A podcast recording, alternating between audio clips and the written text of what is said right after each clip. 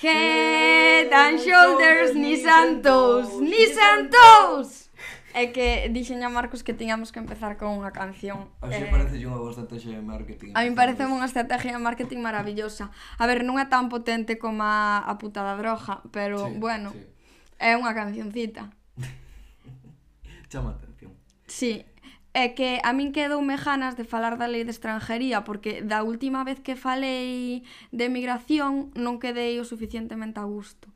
Como que creo que non me souben explicar ben e que non quedou claro. Hmm. O sea, que non que non o fixen ben. Vale. Sendo autocrítica. Sendo autocrítica, pero non sei, fixen E Marcos quere falar de movidas de educación social. Sí, que está moi interesante, últimamente e Marcos está contento. O ante díxome que eh, se siente, como me dixeches, la zorra máis guapa de la redonda. Sí, sí, porque en plan, tío, que levo un montón de tempo pasando mal, rollo sin autoestima, unha puta mierda, o ano pasado foi horrible, e en plan, cada vez que penso sobre mí mesmo, só se me ocurren cualidades negativas. E agora, agora que estou mínimamente ben de cabeza, e, e, e que eso síntome a zorra máis guapa de todos lados, rollo Era lo que necesitaba, un, unha mijiña, unha mijiña de nada, pero ya está. Una mijiña, así, algo pequeniño. Pero... Algo ya... pequeñito. Oh, oh, oh, oh. Non entendo as túas referencias. Marcos, é de Eurovisión. Non sei. Bueno, por favor. Shame on you. Esa enténdela. Sí. Eh, nada, eso. A ver, eu quero falar da lei de estranjería, porque estou moi enfadada. Resulta que agora cambiaron o sistema de protección internacional. Que isto xa falei, pero ides me aguantar igual. Eh, no sistema de protección internacional, eh, fase cero, primeira acollida, eso non imos falar xa. Eso, bueno, sí, imos falar aí. Porque mira, téñenme eh, a, a todos os senegaleses, marroquís, eh, bueno, má xente africana negra que os marroquís non son os negros, en plan, os senegaleses son os negros e outra xente negra, métenmos cos marroquís eh, en centros que eu non digo que as ONGs o poidan facer mellor porque a nadie lle interesan o, as persoas migrantes, entonces non hai recursos para facelo mellor, pero que están metendo a peña que está huindo do racismo de que sufren de pois pues, dos moros, así me din, sufrimos de los moros, eh, están huindo de que sí que me din. Eh, están eh, marchando deso, de están los metendo nun centro donde mezclas dúas culturas que se levan a matar. Entonces non hai sabía, non sabía que se levasen mal. Levase a matar. E hai peleas todos os días. E botan ali 5 ou 6 meses con peleas todos os días con peleas todos os días e despois que tamén ten que haber seguridade que separe esas peleas, hmm. que carguen. O sea, que é unha puta mierda. E que seguridade hai? Pois prosegur. Ah. Non sei o que hai. No, sí, Ilunion sí, sí, sí. ou movidas así para a seguridade privada. Pero que é un mojón. O sea, eu non digo que as ONGs o poidan facer mellor porque non o penso. Penso que fan moi bo traballo. Pero penso que, obviamente, sin un puto duro non podes facer nada e non te podes estar enfrentando a unha crisis migratoria eh, que ven de África e agora eh, sumarlle eh, o conflicto afgano sin un puto duro. Entonces, vale, aí están. Esa é eh, non sei se é fase cero, pero mal, aí están mal. Despois pasan á primeira acollida, que primeira acollida están como en albergues e así, eh, nunha ciudad xa na península. Ibérica. Sí, na península, obviamente. No, sí, sí, sí. É, é como que pasan das Canarias á península. E ali están en primeira acollida, non están en pisos, están en albergues e, e centros, en plan, que están mal. E tamén están así un par de meses. Nas Canarias, obviamente, hai a xente que sí, pero o normal non é que os empadronen. Porque se te empadronan nas Canarias, eh, conta que ti levas residindo no país desde o momento no que chegas pero eu creo, a miña teoría é que están sobrepasados e non teñen a capacidade como para empadronar a todas as persoas que chegan. Mm. Entonces, para despois solicitar arraigo os tres anos de ti levar vivido no país, arraigo? arraigo social ti podes solicitalo para que che den residencia e permiso de traballo cando leves tres anos vividos no país. Sí. Entonces, ti tes que demostrar que tes un contrato de traballo de un ano Pero esa peña non está en campos de refugiados, quero dicir. No, espera. Eso é cando levan tres anos no país, e tres anos non nos pasan aí. Hmm. Entonces, ti cando levas, és unha persona migrante, e levas tres anos residindo legal ou ilegalmente eh, no Estado español. Hmm podes solicitar o arraigo social, que che dá permiso de residencia e de traballo. Pero para que che den o permiso de traballo, ti tes que demostrar que tes un contrato con unha empresa dun ano a casi jornada completa. Hostia. Entonces, a empresa non che pode ofrecer ese contrato se ti non tes permiso de residencia ou de traballo. Mm. E ti non podes acceder ao permiso de residencia e de traballo se non tes o contrato laboral. Además que non che iban dar contratos, seguramente estives recollendo fresas en Andalucía. Entonces, ti o que tes é que eh, pues pedir favores. Básicamente, se tes a gran suerte de que alguén che faga o favor, eh, pois de puta madre. E se non, jodeste. Mm. E traballas en negro, e sigues sin residencia e sin permiso de traballo. Mm. E despois tamén que me jode é a mansalva, que moitas veces eles eh, consiguen, falo de eles porque os meus usuarios son casi todos homens, a verdad. E as mulleres? Eh, eu non tengo usuarios mulleres eh, africanas. Eu nas tengo Nas tes, pero porque non hai ou porque... Pois porque a, a migración africana é eh, está moi masculinizada. Ah, vale. Depende de onde sean as persoas migrantes, pois suelen vir máis homes, máis mulleres, dependendo tamén da oferta laboral, por exemplo, de Latinoamérica, venen moitas mulleres, porque eh, ao final como que se encamiñan a eh, cuidados de adulto maior mm. a estar internas, que eso, bueno, tamén é outro tema aparte, pero agora estamos con, con outra Entonces, que hai veces que eles, eh, mentras están en solicitud de protección internacional, eles poden residir aquí, pero non teñen permiso de traballo. Eh, ofrecen contratos de traballo, pero como non teñen permiso de traballo, non poden traballar. É eh, como que unha persona eh, estáse esforzando por aprender o idioma, porque pasan de falar Wolof, que non sabía nin que existía eso, a falar español en plan que flipas os avances que fan. Mm. Despois, eh, pasar todas as penurias do mundo porque eu xa non, eu non os pregunto porque a min non me, non me teñen que vir contar as súas, mm. as súas penurias, xa llas contan a quen llas ten que contar, eu estou aí para facer o meu, mi labor como voluntaria que non cobro. Pero muchas gracias eh, a mi organización porque me mantén entretenida e ben da cabeza. Eh, entonces, eso, como que eh, esforzas un montón en aprender o idioma, o único que queren é currar para poderlle mandar cartos ás súas familias. Cando ten opción de currar, non se lles deixa porque non teñen permiso de traballo. É eh, como eh, están facendo todo posible por eh, que xa non é é que si sí, fan o posible por integrarse eles, sabes? Sí. Non é que fagamos o posible por incluílos na sociedade, porque se ven nunha sociedade na que non se fai nada por incluílos. Entón, eles intentan integrarse, e que a min que me parece que é un dos máximos exponentes que consigan traballo, pois négaselles eso desde o Estado porque non lles damos permiso de traballo. Que o permiso de traballo? Que, non, que se non tes... Se non tes pe, papel de permiso de traballo non podes traballar. Hostia. Vale, vale. E, eh, eso, entón que estou enfadada, porque despois tamén ademais eh, sobre todo no caso do Senegal, que isto tamén o dixen noutro vídeo, pero como me apetece repetilo, pois vou non repetir, porque aquí eh, hemos venido a hablar de mi libro. eh, pois no caso do Senegal son casi todos pescadores porque eh, Ah, o do movido da Unión Europea. Claro, eh, por acuerdos da Unión Europea, eh, barcos, pois pues, tamén gallegos, eh, van pescar a Senegal. Pero non só gallegos. Non só gallegos, pero digo, pois pues, pola parte que nos toca. Sí. Eh, van pescar a Senegal, a sus aguas, a quitarle os peces. Entonces, eles o que fan é eh, migrar hasta aquí.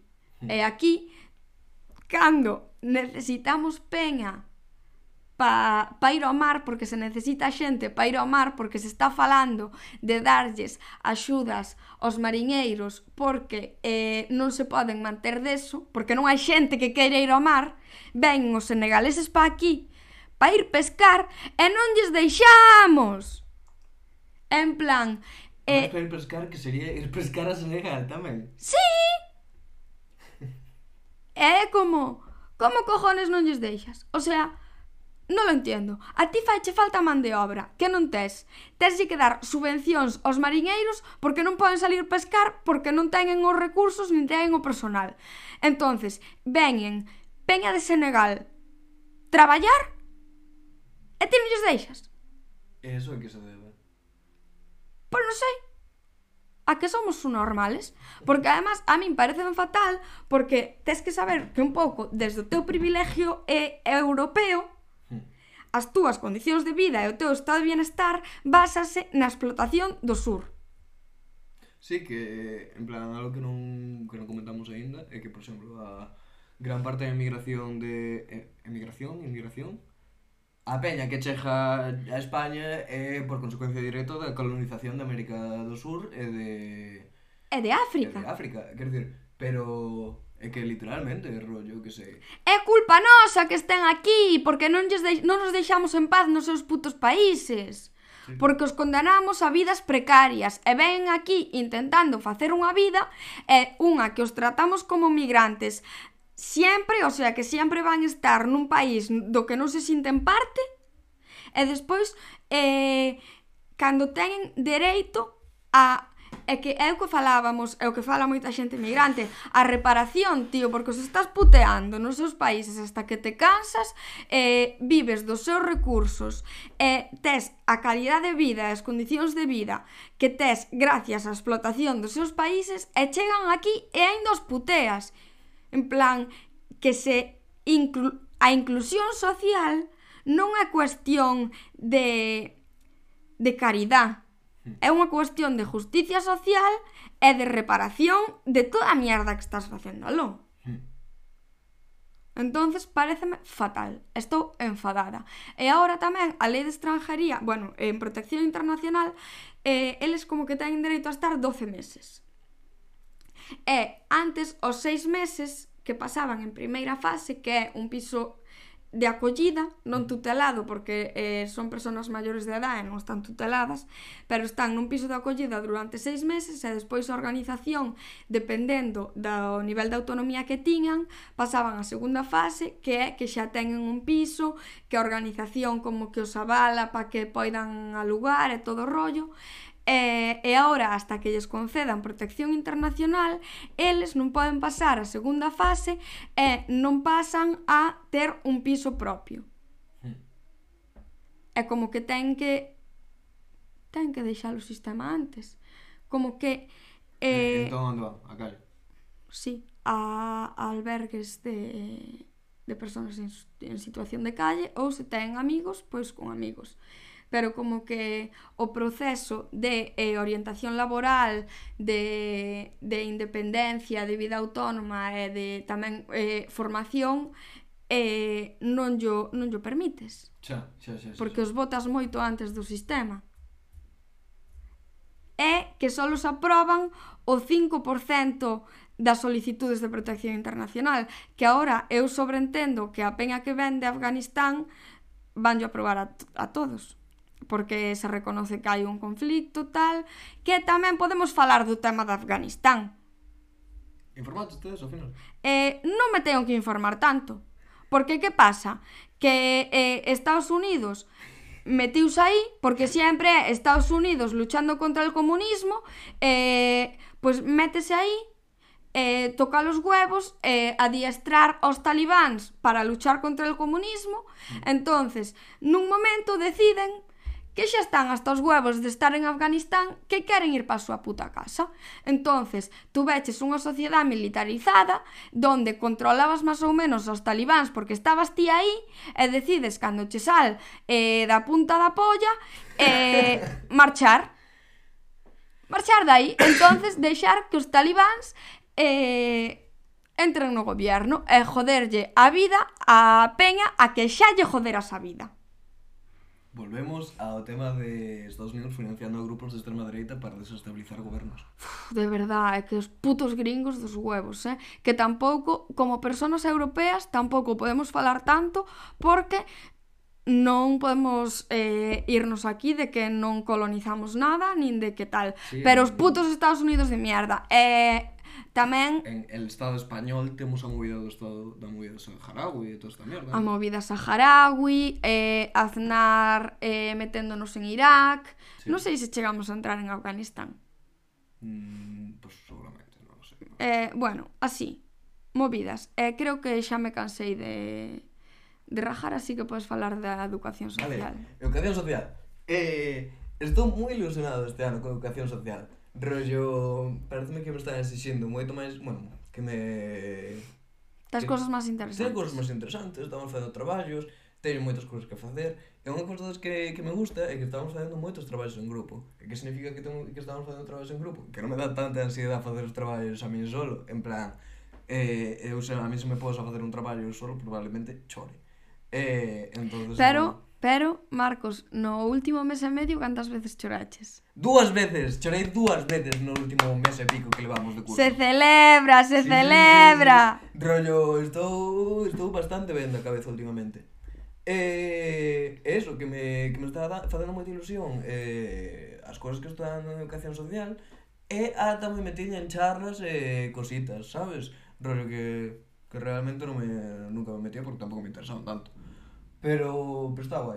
Eh, unha cousa que, en plan, a ver, eh, puxéronnos en clase de contextos e ámbitos de educación social eh, ver un vídeo, un documental. Eh, eh, o documental en, con, en concreto era eh, formación de mujeres, eh, no, formación de mujeres eh, para lideresas en, en el sur de Bolivia. E dirás... Quen, Amo Bolivia. E, e dirás, tía, quen cojones importa eso, sabes? En plan, como... Tío, quer dizer, eres educador social toda a movida, pero que che poñan aí eso... Non sei, a min, en plan, vin que me puxeron eso, e dixen, non sei, como estereotipo de, de progre con gafas de pasta, sabes? Xa. E... entonces como que fun aí desconfiado.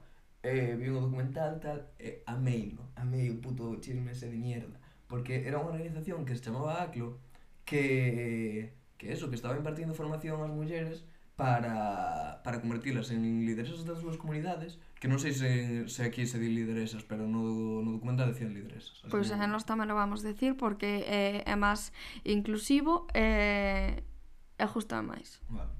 Pois eso, que as estaban formando para pa súas cousiñas tal de agricultura, eu que sei pero que, que lles daban cousas que realmente lles iban servir no seu día a día. Era unha formación de puta madre. Eh, falabanlle, por exemplo, das consecuencias que tiña o cambio climático, de rollo en máis temporada de sequías, máis temporada de, de choivas, que lles jodía a vida realmente, porque eles vivían da agricultura.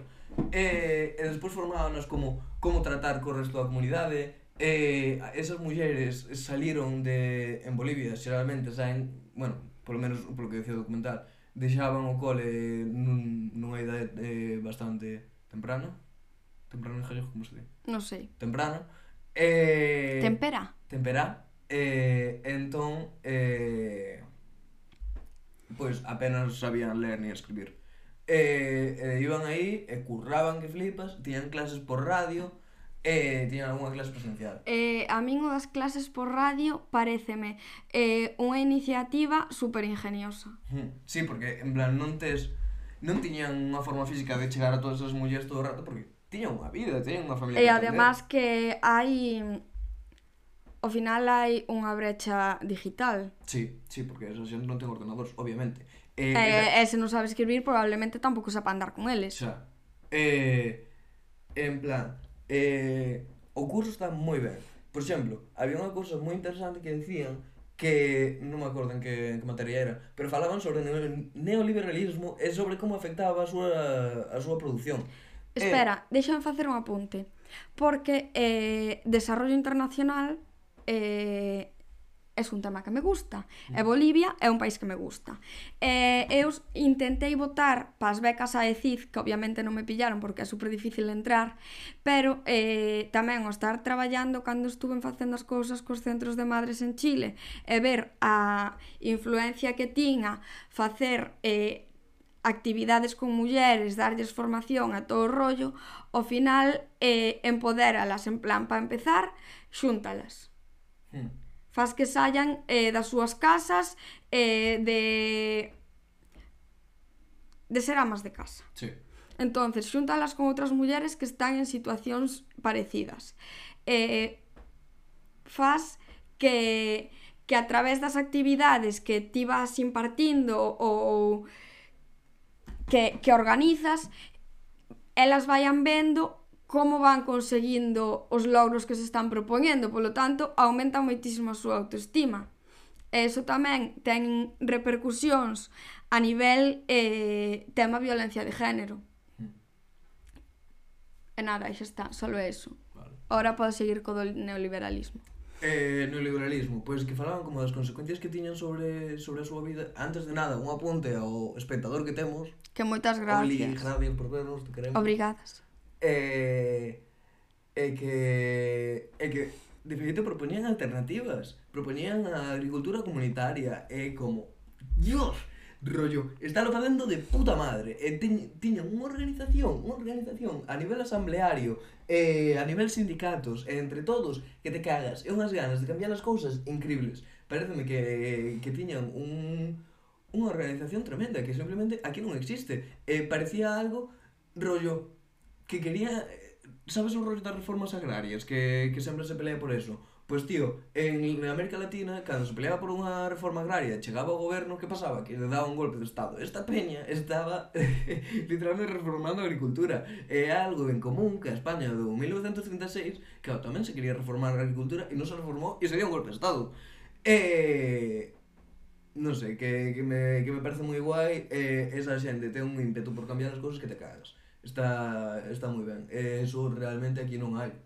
Non hai ese tipo de organización. Sabes, a nivel eh, xente... Ti non ves os vellos de Caranto xuntándose pa... Que ten unha cooperativa, eh? Bueno, bueno, vale, sí, ten unha cooperativa. En Coristanco hai unha cooperativa. vale. Pero sí, que a min gustaríame... É que a min encanta o desarrollo rural a min se me deixasen, o sea, se tuvese oportunidade de salida laboral aí, encantaríame dedicarme ao desarrollo rural eh, parecenme iniciativas maravillosas, fantasías, e que que ojalá, ojalá se estuvesen dando aquí. Mm. E nada, eso. Eh, maestra de Educación Social, eh, mandarnos ler un libro que era El socorro de los pobres, que falaba sobre como se trataba os pobres na, na Idade Media. Eh, tiñan un rollo religioso que era como que eh, a pobreza era a austeridade, temos os rollos cristianos de que canto máis austero máis te acercas a Dios e todo este rollo. Vale, entonces interpretase a pobreza como que estaban achegados a Dios e que era un regalo, entre comillas, sabes? Como que se tiñan que... Como que eran pobres porque mandou Dios e iban ir paseo. E, e os ricos, para, para tamén facer a súa parte, tiñan que dar limosna, e caridade, toda a movida. Vale, entonces así, eh, eso cumplía unha doble función. Eh, tiñas unha poboación que non morría, que en algún momento eh, la gran masa de, de proletarios desempleados, que en ese momento non eran proletarios porque era un sistema feudal, pero que... Que vos talle los dedos. Vale. Eh, que eso, que se poden convertir en traballadores en calquera momento, e tamén eh, evita revoltas, porque se, se tes un montón de peña eh, esfameada e morrendo polas rúas, pois pues igualmente, igual te guillotina, sabes? Eh, Entón, pois, dábase eso. É María Antonieta. e, eh, e despois, o tío este, eh, pois, quería reorganizar un pouco o rollo. Porque vía, en plan, como que se estaba dando un, unha época na que estaba aumentando a cantidad de pobres. Realmente non me acordo por qué. Lo siento. Pero o rollo eh, quería reorganizar eh, os hospitais, por exemplo, eh, a xente, a xente que estaba sana de chimpala, porque decía que había moita xente eh, como aproveitándose deso, en plan, eh, señor, es un, un, un un noble escribindo na súa puta casa, vas decir ti que se aproveita de, del sistema sanitario, sabes? Eh... Sistema sanitario de la Edad Media. Sí, que sí. esa xente quería comer, que se aproveiten do que queiran para comer. non sei. Como bueno. se te queren matar, señor. Pois pues, ese... a xamón. ese señor o que quería era eso, como eh, redistribuir os hospitais, eh, apartar aos leprosos, porque nese momento había moitísimos leprosos e tiñanlle moito medo. Eh... Hombre, normal. Sí, sí, quero dicir que era unha movida, non, non sabes como, como se comporta esa enfermidade. Mira. Pensaba que era, que era contagiosa. Ah, era unha contagiosa a lepra. Non, a lepra é hereditaria. Hostia, pero pensaba que era contagiosa. Pues non, que non. se tocabas a un leproso que tiñas lepra. Que va, que va. E eso que ves a peña caendo a carne a cachos e dices, hostia, non quero, sabes? Mm. Eh... Thank you next. e eh, bueno, pois pues estaba, estaba facendo eso eh, e, e tamén quería eh, meter os nenos a partir de 6 anos nas escolas e meter aos pobres que non estivesen con eh, deficiencias de, que estivesen en boas condicións físicas eh, que estivesen sanos a traballar. O sea, que tú ves en todos os miembros. Sí, sí, porque había peñado bastante jodida. E, e despois había algo que me chamou muitísima atención, que era en plan que de que, que había pobres que lles daban asco, literalmente, era en plan que non se presenten ante X magistrado porque les dan asco, era en plan un, unha movida super clasista, que a ver, estamos na idade media, pero como que deshumanizabas por completo a outra persona, sabes? Tratábala como un ser que daba asco. E, e despois a partir de eso, eh, bueno, mandarnos ler este libro porque eso falaba de asistencia social. E aí entramos os educadores sociais, porque eh, a educación social non empezou hasta os anos 90, pero antes hai cousas de asistencia social e movidas. Entonces, o sea, traballo social. Sí. pois pues estamos ligados a esas cositas. E, eh, entón, eh, pensei, guau, Eu veño daqui, rollo, eu veño deste destas movidas. Deste señor noble que escribe desde su casa que los pobres le dan asco. Sí, sí. Eh, entonces como que me que me resultou un pouco raro Eh, e despois como como o que acabo de decir antes, que o de manter a población pobre contenta é eso, para pa que non se rebelen e para seguir tendo traballadores. Eh, entonces como que realmente eu vou currar sendo un parche do capitalismo? Sí. Sí. sí. É, é algo como que me... Non sei, non sei como reaccionar. É que, a ver, eh,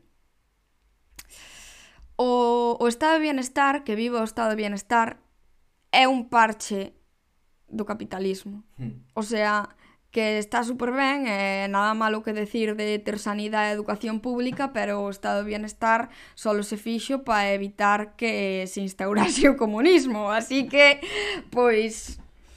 Nada máis que decir, pois sí, somos parte dos servicios sociales, Marcos. Mm, mm. E cobramos unha puta mierda como parte do, eh, do parche do capitalismo, eh? Digo, xa. que estamos evitando que se vos revolucione a población. Así que, o mellor, Como a un policía debíamos cobrar. Estamos comparando con maderos. Sí. Bueno, vale. vale.